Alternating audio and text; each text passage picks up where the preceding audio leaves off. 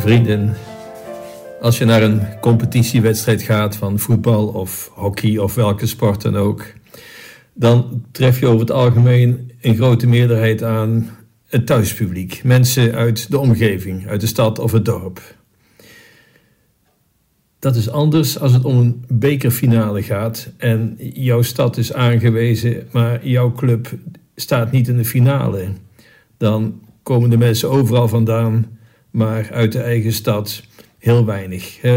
Stel dat de Kuip is aangewezen voor de bekerfinale in Rotterdam. Maar Feyenoord staat niet in finale, maar wel PSV en AZ, ik noem maar wat. Dan zullen er weinig Rotterdammers komen. Waarom zouden ze ook? Waarom zeg ik dit? Het evangelie van vandaag.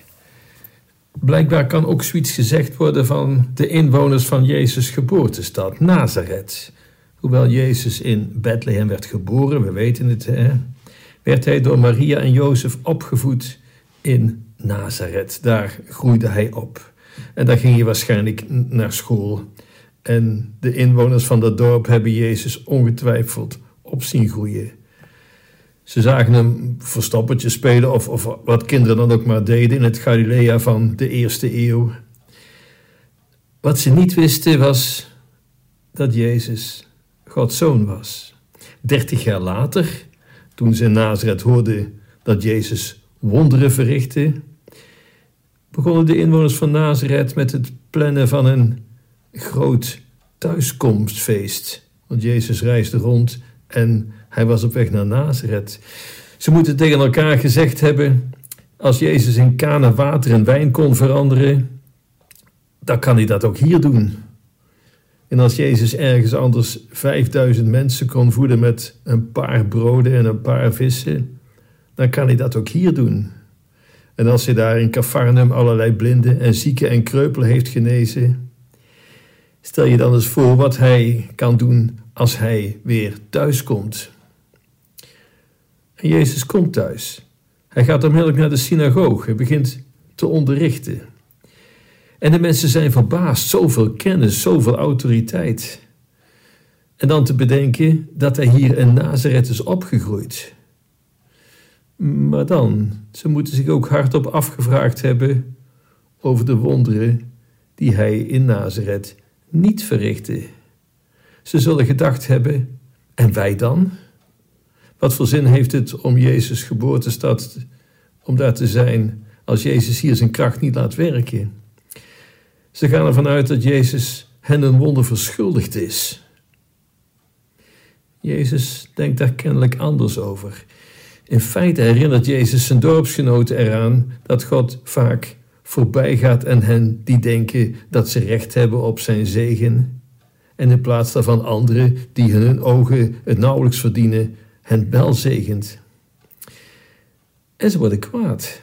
De inwoners van Nazareth, ze zijn kwaad. En ze brengen Jezus naar de rand van de stad, naar een steile helling van de berg tot aan de rand van de afgrond, met de bedoeling om hem te doden. Het kan verkeren. En dan, wat lezen we dan? Zonder één schrammetje loopt hij weg, midden tussen hen door. Wat, wat is dit voor een merkwaardige gebeurtenis? Waarom heeft Lucas deze gebeurtenis in zijn evangelie opgenomen? Wat moeten wij ermee? Lucas zal niet gedacht hebben dat gelovigen van alle tijden geneigd zouden zijn aan te nemen dat Jezus ook hun zijn zegen, zijn wonderen verschuldigd is. Oké, we hebben ons laten dopen, zijn in, in zijn naam, hè? we zijn gevormd, ontvangen hem in de communie, we noemen onszelf katholiek, christen. We steunen de kerk, geven onze tijd, onze aandacht en onze toewijding aan Hem. Oftewel, dan ben je geneigd te denken: en wij dan? Hoe zit het met ons? Waar is het thuisvoordeel? Even een paar weken terug in de kersttijd hoorden we de woorden van Maria. De lofzang van Maria, Magnificat, als zij te horen krijgt dat zij moeder van God zal worden. En wat, is, wat zegt Maria tegen haar nicht Elisabeth? Zingt zij het uit. Hè? De machtige, ja, die zal God van zijn troon stoten. De nederige van hart, die zal hij verheffen. De hongerige zal hij overladen met gaven. en de rijken zal hij met lege handen achterlaten. Groot en machtig bent u, o Heilige, sterk is uw goedertierenheid voor altijd, hoe u de zwakke en nederige begunstigt en de trotse van hart vernedert. Voordat ik verder ga, laat ik iets zeggen over Gods trouw. Wanneer wij in het koninkrijk van God komen, door ons doopsel of door de bekering en door een christelijk leven, dan ontvangen we Gods belofte dat Hij altijd bij ons zal zijn. God merkt ons aan als Zijn kinderen en verzekert ons van Zijn vergeving als we daarom vragen. En God garandeert ons leven in het koninkrijk voor altijd als we Zijn appel ter harte nemen. Maar verder dan dat gaat die belofte niet. Hij garandeert ons niet een rustig, kabbelend leventje. Ook niet een leven dat over rozen zal gaan, vrij van lijden en pijn. Hij plaveit onze wegen ook niet met gezondheid en rijkdom en macht. Hij belooft, ons niet het huis van onze dromen, of de echtgenoot van onze dromen, of gezonde, lieve kinderen of trouwe vrienden. Wat hij wel belooft is dat hij met ons door elke storm zal gaan en een plaats voor ons zal bereiden in het huis van de Vader. En toch, wanneer ons leven moeilijk wordt, vragen we ons dan niet vaak af: waar is God?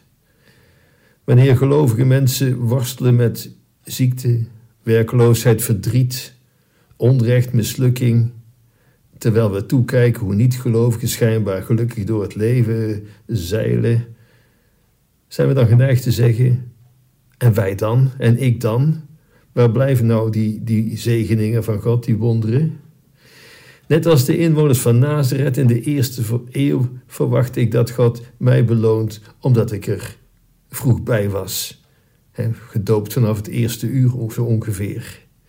Zoiets als de arbeiders in, die, in die gelijkenis die Jezus vertelt, die de hele dag in de wijngaard hebben gewerkt. Die gingen er toch ook vanuit dat ze een bonus zouden krijgen, omdat ze langer hebben gewerkt dan degenen die later kwamen. Hoe zit het met ons? En wij dan? Hoe zit het met mij? Beste mensen, in het christelijk leven heerst een merkwaardige tegenstelling die je nergens anders op de planeet zult vinden. Want aan de ene kant, het gaat niet om ons. Nee, life is not about you. Niet nee, maar dan wel, het draait om anderen, om de ander. Jezus zegt het ook zelf, alles wat je voor anderen hebt gedaan, heb je voor mij gedaan. Augustinus zei het op een andere manier. Hij zegt: De kerk is de enige club ter wereld die bestaat voor mensen die nog geen lid zijn. Ik vind het wel mooi uitgedrukt. We hebben een taak. Van ons wordt gevraagd missionair te zijn, het beste met, het beste met anderen voor te hebben en zodoende zaken ten goede te keren en mensen erbij te betrekken. En wij dan? Nee, het gaat niet om ons, het gaat om anderen. Tegelijkertijd aan de andere kant gaat het ook wel allemaal over ons. Het gaat ook helemaal over ons. Wanneer u in heilige mis naar voren loopt om het sacrament van de communie te ontvangen, zult u eraan herinnerd worden, als de priester de hostie aanreikt, het lichaam van Christus. En bij de consecratie wordt er nog gezegd gebroken voor u, voor u, voor jou, voor u, niet voor de massa, nee, voor u. En dan toch weer aan het eind van de mis die opdracht, ite missa est in het Latijn. Gaat heen in vrede, zeggen wij in het Nederlands. Maar eigenlijk is het letterlijk vertaald: gaat ite missa est, u bent gezonden naar anderen. Daar heb je het weer. Het gaat over anderen. En toch ook over ons. Het gaat over een God wiens barmhartigheid zo groot is dat hij wil dat de hele wereld het weet. Draag daar uw steentje aan bij, dat een ander te weten komt. Het gaat over een verlosser die stierf. Het gaat over een kerk die Gods genade verkondigt aan alle mensen overal. Werk daar aan mee. U bent toch christen? Of niet?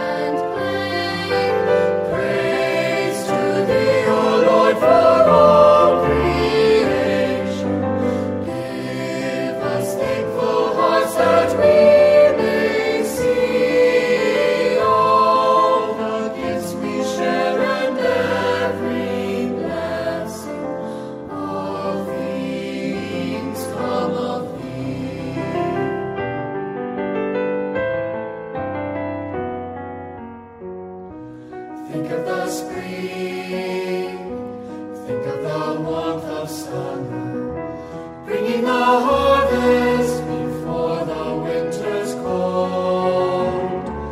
Everything grows, everything has a season, till it is gathered to the